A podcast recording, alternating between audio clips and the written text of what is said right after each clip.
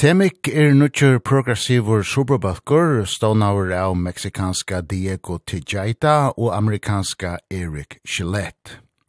Tvair rønter tånlagarar. Tijaita hev med landa vir ljónborlagari ui balkinon Heiken, spalt saman vi Devon Townsend, og vir partur av Mike Portnoy Shattered Fortress. Gillette er gitarløykare som Østni hever veri vi i Mike Portnoy's Shattered Fortress, omframt at han Østni hever spalt vi i The Neil Morse Band. At sæls sær hau at der finnje sankaran i Marathon, svenska Fredrik Bergersen og norska Simon Sandnes. Han hever spalt i balkon som Shining og Type Temik kom 16. november vi debutgavu syne Terror Management Theory. Og i hesson sambandi her vi finner fætur av Tijaita, som er stater i Mexico City, til a prat om Temek og fyrstorantena tja Taimon. Fyrst får vi sjåvande ljomborlagaren a greia fra opprunanon til Temek. Og alt byrja jo vi at Diego Tijaita og Erik Gillette varu a konsertver saman i 2016. The idea of working together for Eric and I that came up when we did those tours with Mike Portnoy Shire Fortress back in 2017 I work on some stuff on Eric's uh first solo album uh you know and I did some stuff for him and and I met him before as well like uh, uh um, many years ago. Haken supported uh, Neil Moore's band uh and that's how I I I got to know Eric. And then we worked together in Shire Fortress and uh you know we had a really really good chemistry as in a personal level but musically as well like you know we really interacted very well and that's very rare to find. Um and also you know very important thing is that we were able to be on tour and be chilled and have a good time. You know touring is probably the ultimate test whether you're compatible with someone or not because you're with that person all the time. You know you literally sleep just above or above them uh, below or above them all the time together. So if there are things that you're not compatible personally those things will come out uh, uh on tour and you know so th that was a, bit, a really good thing that we were very chilled and we had a good time and and kind of relaxed. So we said oh let's let's just work on something. Don't know when but that would be very good. Like that that would work.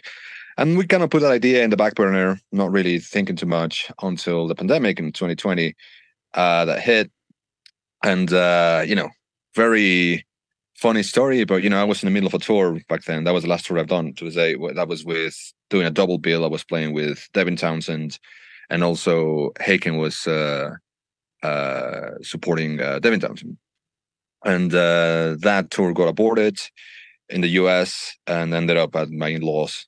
And uh, you know there was a lot of anxiety happening. There was a lot of stuff happening uh, back then. So I just started writing stuff. I was like okay I think uh I want to start something new, I want to start something fresh. Uh I didn't know for what. So I started writing stuff with no intention at all. I was just writing in the basement and just to kind of keep my mind off anxiety. And eventually it started taking a shape and I called Eric and I said, "Hey, you know, we talked about this before. We talked about writing music. We don't know what's going on here, but like there's clearly something that's not going to be resolved pretty soon. So are you in?" Eric was immediately in and you know that was kind of that was the the um catalyzer the catalyst that made us kind of sit down and work on it. So yeah you could tell it's been it's been brewing for some years but that's when you know we sat down and uh, we discussed the ethos of the band. So what do we want to do? Do we want to shred? Do we not want to shred? What kind of music do we want to make? What kind of band members do we want? So all of these things are very important especially you know uh, someone who has been in the scene for a long time knowing a good sense or having a good sense of direction and I would say like the path you're going to take is incredibly incredibly important to set down from the very beginning. So yeah, that was that was it. The rest of the stuff, you know, we got Simon, we got Frederick and you know, the the album kind of developed over time. Yeah. So yeah.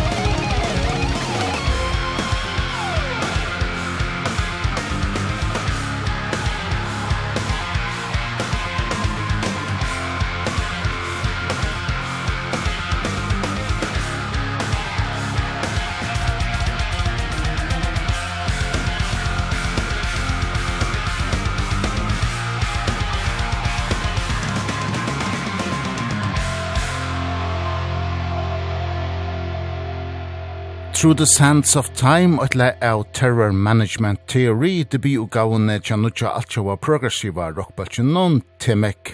Ein balkur tar bayer meksikanske ljonborløykaren Diego Tijaita og amerikanske gitarløykaren Erik Gillette tåkes de til ta koronafarsøtten herjeie fra 2020 til 2022.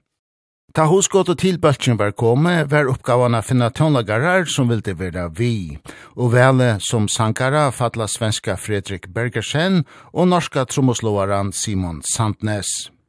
Og ta var jo ikkje bært tonlagari og evnene som hukt var etter, grøye stånaren El Temek, Dioko Tidjaita fra. As I said, Eric to me was a clear choice uh, for many reasons. Uh, he's an incredible multi-instrumentalist. Uh, he's you know he knows production and uh he does many many things. Like the last uh, the last video that came out uh, falling away he's the one who did the visual effects like that sun that kind of turns to kind of in a black hole. Uh he did all of that and i didn't know. But you know he was my first kind of obvious option because we said it and we work well together. And then when we got together to talk about the the band and the ethos of the band uh, for Temic, we agreed that we wanted people that are incredible musicians. So we want people that are excel at what they do, um, but that's got to be the bare minimum.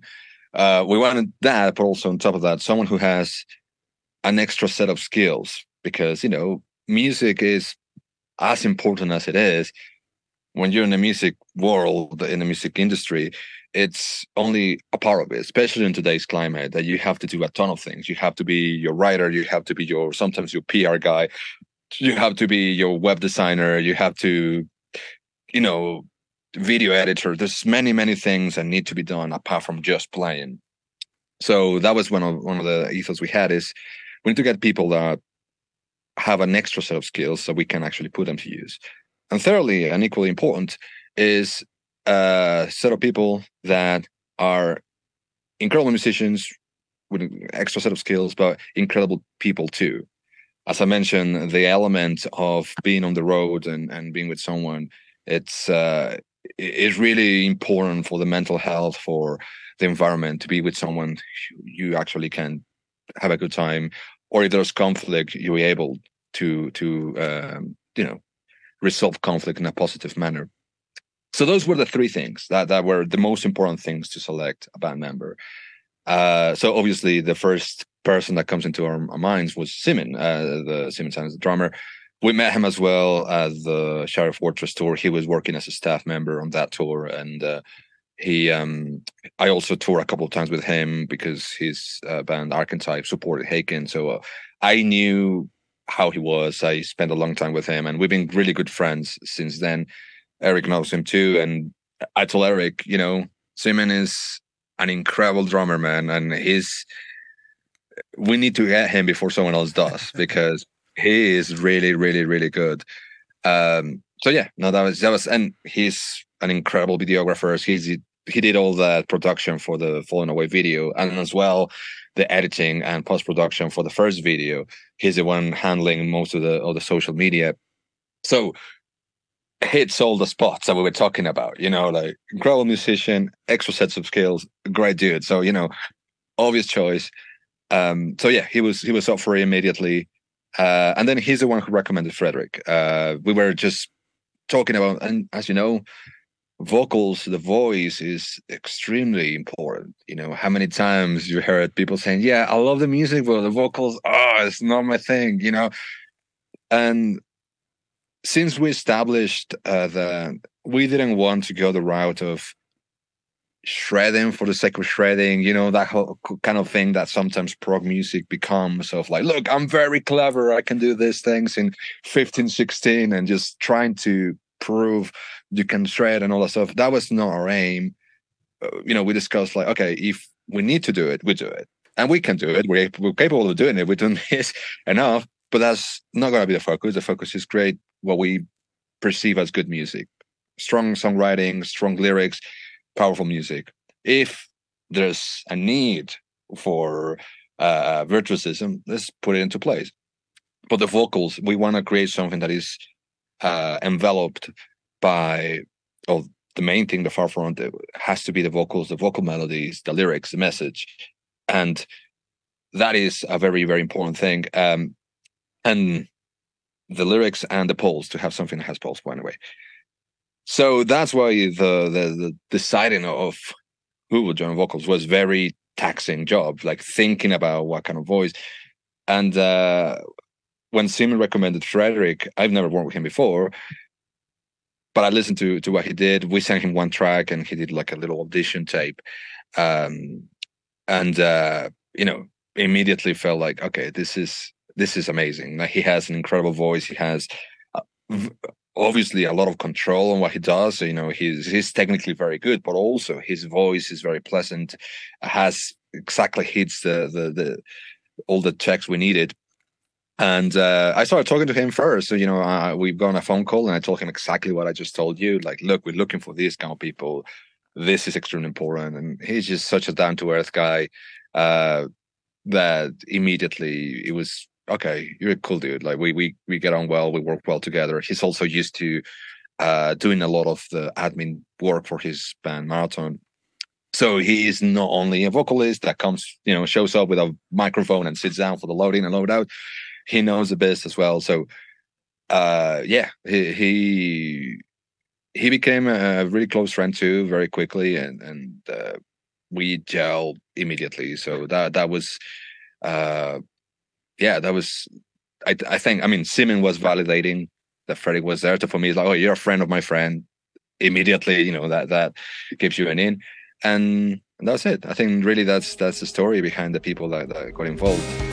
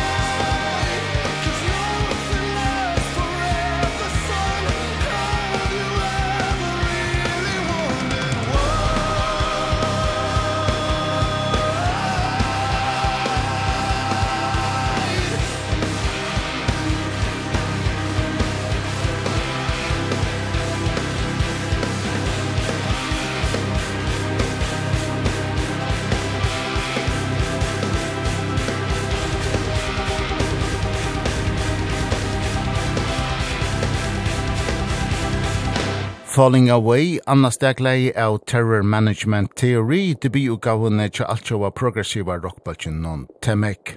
Fyrsta rønde fra Tøymo var tøk, 16. november. Ta Diego Tijaita heie sauna limenar til nutja bøksøyn, var nasta oppgavan a finna et navn, og det var ikkje bæra som at sia ta.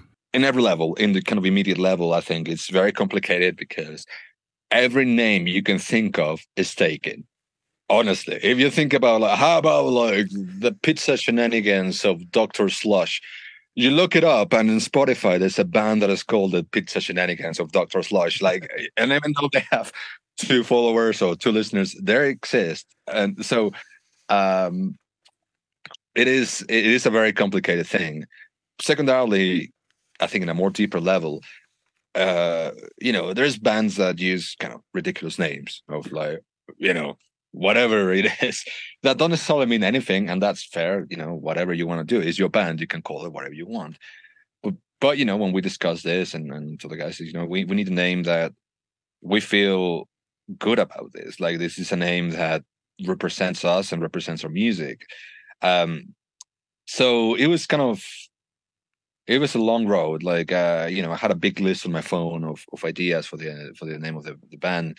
And as i told you first of all let's look them up taken, taken, taken, taken, taken. Then again, you had two options. The other option is doing composite words, right? Like uh, you can do the grain sausages, whatever, you know, like stuff like makes no sense. But we didn't really want to do that either. And you know, uh, we talked about it and I said to guys, look, it makes sense that we have just something that defines us. That would be the best idea to have a name that is immediately recognizable but it's just us instead of a series of words.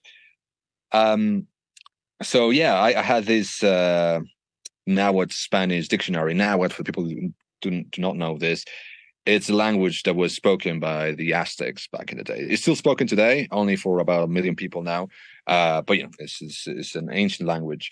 Um and i'm you know I love that kind of stuff and I had this dictionary I came across and I was you know looking uh, words. And uh, I started thinking about well why not? Start looking out for words in in that that could sound first of all that were legible on on on different languages right? Because uh, now is a very intricate uh, uh, language that has a lot of uh, sounds that are not really used in any other language. So first of all trying to find words that kind of make sense in english or in other language that can be read so you know i did a, sh a short list like four or five uh, uh ideas uh amongst them was temic temic was my favorite just the way it sounds and and and what it means. So it, it tick all the boxes right? It, it is it has a meaning.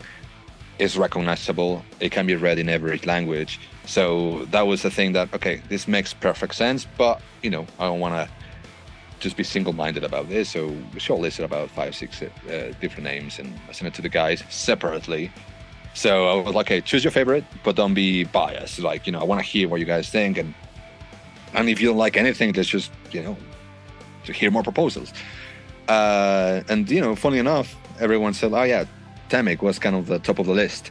So uh yeah, that was that was kind of a thing that made all the sense in the world. Like we, I explained to the guy, I was like, look, this is this comes from this element, comes from this network uh, language, and they all find it really cool, which I thought was very cool too. Uh so yeah, that was that was a whole story. It's uh, it's a difficult thing to do to find a name, but in this case, we had a neat uh, again an idea of what we wanted for the name, and then you know the name came and ticked all the boxes, so that was a perfect choice.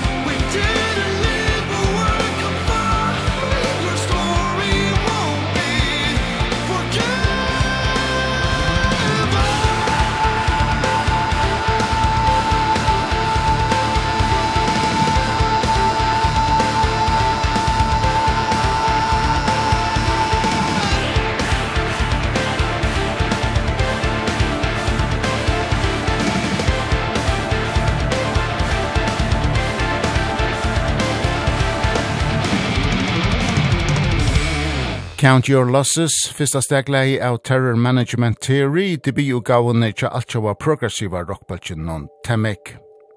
Ein utgava som øvla tjivera dokna sær 16. november. Vi tåsa og i kvöld vi Diego Tijaita, ljomborlagaran og stånaran av just Temek. For the writing process this time around, the, you know, the, the the context of how the album was developed was very specific you know like it all started in the pandemic lockdown I was not even in my studio. I was at at, at my in-laws in New Jersey. I didn't I just had one keyboard that that my wife lent me her um, Core Chronos and I am to say the least I'm not a big fan of that machine at all, but that's what I had, you know, and I was in the basement with my headphones writing stuff and so it was less from ideal in the sense of what was happening. When I spoke to Eric, we discussed the idea of getting together. It's like, well, how about I come over to your studio and and we jam a little bit. But travel restrictions were a thing. You know, it, it was kind of complicated. Um but also you know, uh, as you know in in my previous uh band that I was member of Hagen is still this transatlantic thing. So already I kind of used to that kind of way of working. Um so a lot of the writing process as I told you when I when I spoke to Eric I already had some ideas lying around like some demos which I sent to Eric and Eric sent me back his his take on them and vice versa. Eric sent me some tunes he was writing on and and you know I was sending back my take and um so a lot of the writing process kind of went that way. So sometimes Eric was busy doing other stuff preparing for more Fair so he was also doing music for um this uh, series uh, which is very impressive. Uh so i was working with frederick like hey i'm working on this tune. I have an idea for this vocal melody but i'm working i don't know what's the chorus going to be like. That was falling away for instance. I i work on the vocal melody and then initial lyrics for the verses but i had no idea for the chorus. And i sent frederick said like i have this idea for the chords but i don't know the melody. And he sent me something back and i was like okay that sounds great. So in many ways i was kind of in the middle talking to people and getting everything organized sending the files over back to me um and you know everyone got involved uh to one degree or another. Uh so that was mostly of it. It's like we we demo the album uh so we pretty much the demos sounding like a finalized product almost but it was a demo which was good because the demo sounded really good so therefore the production could be better. Um we we once we had the full full album uh, demoed and you know the track listing and the whole thing makes sense we go into the production. We recorded the drums and vocals in uh Sweden in uh, Gothenburg uh with J Jacob Herman um uh, top floor studios. Um incredible dude like super specialized on drum recording and you know you you poke him and he plays drums that kind of guy who you know microphone placement and stuff. So very impressive. I mean we we did the whole album in one week i think like 7 days at the studio. I mean when i spoke to the guys when i spoke to you know uh, Frederick and Simon they're both in Norway i said look I, i'm coming over. Eric was busy so i was like i'm i'm coming. Um in the past i've done a lot of vocal productions for albums so normally you know i'm, I'm kind of used to that and i'm actually feel very comfortable in that position. Um drums and stuff like I know how to record drums but I'm not a specialist in terms of microphone placements and all that kind of stuff. So you know the idea was like Simon was going to record drums during the day and at night we were going to record vocals. Uh which was very taxing as taxing as it sounds. Um but you know Simon an absolutely incredibly capable drummer most of the songs he did in one two takes and i'm not exaggerating you know it's it's very usual that uh, especially in this kind of more technical uh, genres uh, people record stuff on you know segments or they do like big compilations and you know try to kind of get it right. And Simon is just like full take full take full take. It's I've never worked with anyone that has the level you know and he told me well I spent months before practicing. So super quick. So he will be end up he'll he will be finished recording around 5 6 p.m. then Jacob will go off and then uh, uh Frederick and I okay 7 p.m. till like 2 3 a.m. recording vocals is uh it was pretty brutal you know like doing a full day recording but we got the whole album done um so that was it yeah no the rest of the stuff um my beats of course I record in my studio uh uh, Eric recorded his stuff at his studio of course. Eric also sent the the backing vocals he did. He produced those backing vocals. Uh we had a couple of guest musicians of course. Uh, Jake um, Umansky Jake Umansky who did the the bass for the whole album. Uh we also had a choir in uh, the Mothala tune. Um so you know all that stuff was done remotely and uh you know got all that stuff done. Nice and clean and tidy up. We sent to Rich Mouser who you know did the, the mixing and mastering. So uh yeah the actual production process i don't think it took that long because everything was ready. There was really not a lot of surprises. There was a couple of things that we tried in the studio you know like trying different things which is amazing when you prepare and you're able to try new things.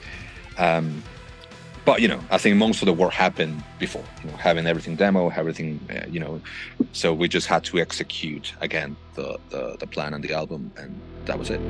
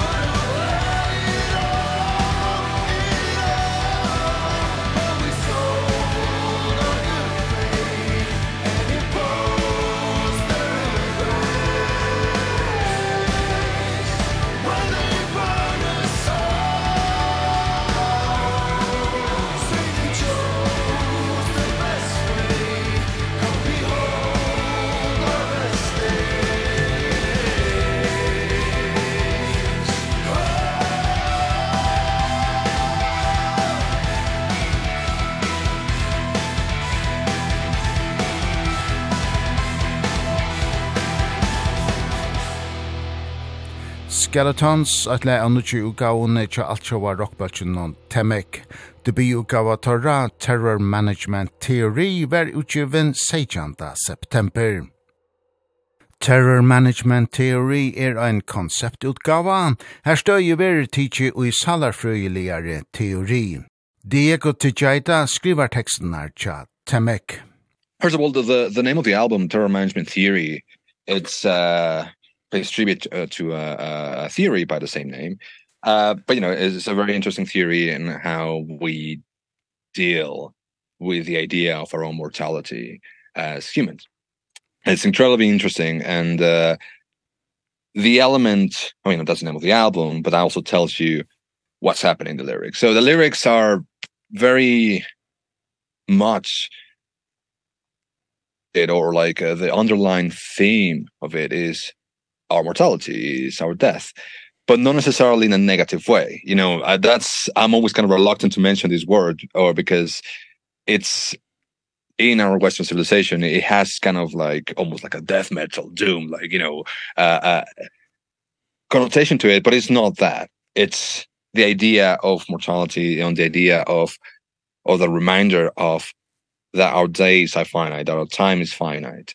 And this kind of existential positive existential aspect because you know you could be existential in a negative way of thinking oh we're all going to die. Well does it matter i'm going to die. Or being we're going to die i need to live right? Like this is i'm not eternal. I have this finite time and reminding reminding yourself that that's going to happen gives you the incentive of fully live or live to the full extent. Uh so in a way the whole album is titled by this idea but in different kind of topics right? Uh uh you know Mothala is probably the most uh almost triumphant tune at the end. Uh, you know it has this big choir and uh you know in a way that tune is the one who portrays what happens from 2020 to 2023 in terms of musically but what happens to all of us as as collective right? That we dealt with mortality firsthand. You know now we look back and we can kind of laugh at it but it was very scary times you know especially people you know you mentioned you you live kind of in a more quiet place but you know people living in cities big places. It was the antithesis of what really a city is you know everything was isolated no one talking to each other it, everyone knows what happens right? But we were dealing with this stuff and i don't think it was we were forced to contemplate mortality in uh whether you liked it or not. It was there for you and uh, and at the end of the day we thrived. We did it. We carried on. Um so in a way that also applies to how we personally we face all the challenges right? As as humans as as individuals. There's moments where the only way is through right? Like and you kind of dealing with situations like that. You're dealing with a departure a death of someone you loved an illness uh you got fired from your job you got divorced whatever it is. And the only way you can deal with this is by doing it because that is part of the human experience. Um so you know that's the point of view of of the whole album of yes mortality is there and it's always there and let's remind ourselves but it's I'm not it's not coming from a point of view of despair and and depression at all. Yeah, hopefully that kind of a picture. Frozen and so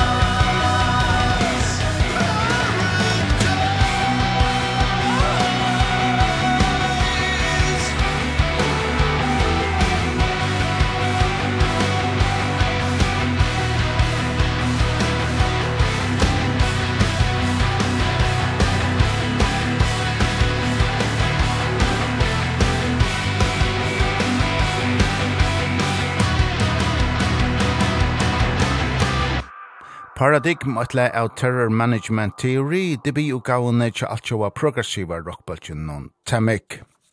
Nu er fyrsta røyndin tja temik tøk og stendet her opp til stånaran Diego Tijaita, så er hette ikkje bært ein studioverk atlan, men ein bølgur som lustarnir om stutta tøy, æsne kunne oppliva live. Yeah, and you are some uh, busy guys with uh, who are uh, in other bands. Um, how high a priority do you do you give to Temik? if you personally for me it's 100% like this is this is home right? Like and I, that has been the thing since the very beginning of okay and this is a new home musical home for me. And uh, from the guys I've talked to from the very beginning when I spoke to to to Eric and Eric said like yeah man I'm really looking forward to this. Uh, you know I understand like Eric has uh, um, their Morse band and everything but uh, you know his from the very beginning he was absolutely committed and he was sharing the idea of like this is not a project this is not a studio project. We want to tour we want to play we want to uh get out there and and you know start climbing the ladder you know as it is. You know you, you start with your albums you start kind of going to circuit and so definitely it is a career move is is is not a one off and uh, you know a lot of resources have been invested in it already you know not only time but of course money when you start something new you have to kind of put put down a lot of stuff and and and of course time especially as well right? So uh, as i mentioned it's been 3 years now since we started working with this and you know for many reasons. First of all the world situation then when it's the first album there's a first band you have to go through extra processes right? Like from getting management getting a booking agent getting a label all of these things take a ridiculous amount of time you know it's just so it, it requires a ton of work but that was also a thing that we wanted to do things right you know it was it, it was not like let's just put it on on bandcamp and where buys it you know we want to do get a label get a book agent get everything in place. So all the the the you know the basis for a good structure is there. So, you know, from now on, it was not going to take us three out three years to release an album because now it's only we can focus on the music instead of having to focus on all the other things that take a long time. Uh so yeah absolutely. Uh so Eric was definitely on board and he has been 100% on board as well and uh, same thing committing all this time and and you know knowing that this whole elements like family and and work and stuff still there and solid and same thing with Simmons and with Frederick. So you know everyone is like no they we all have this hope for this um for this and this aim for this band to become a career. Uh so it takes time and this is the moment when we have to kind of work the hardest i think. This was the beginning. Uh but yeah this is it. So this is a band and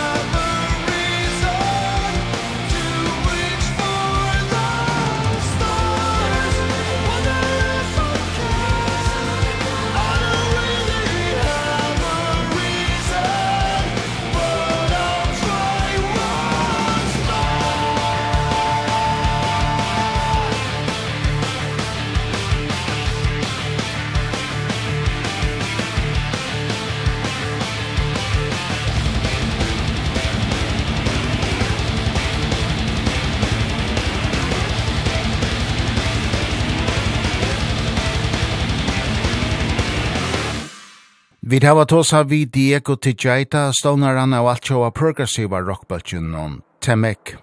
Vi vidgjør då debututgave Torra Terror Management Theory som var utgiven 16. november. Vi spalte oss de fleste løgene av disse første røntene tja Temek, og nå til senast hørte vi Once Again.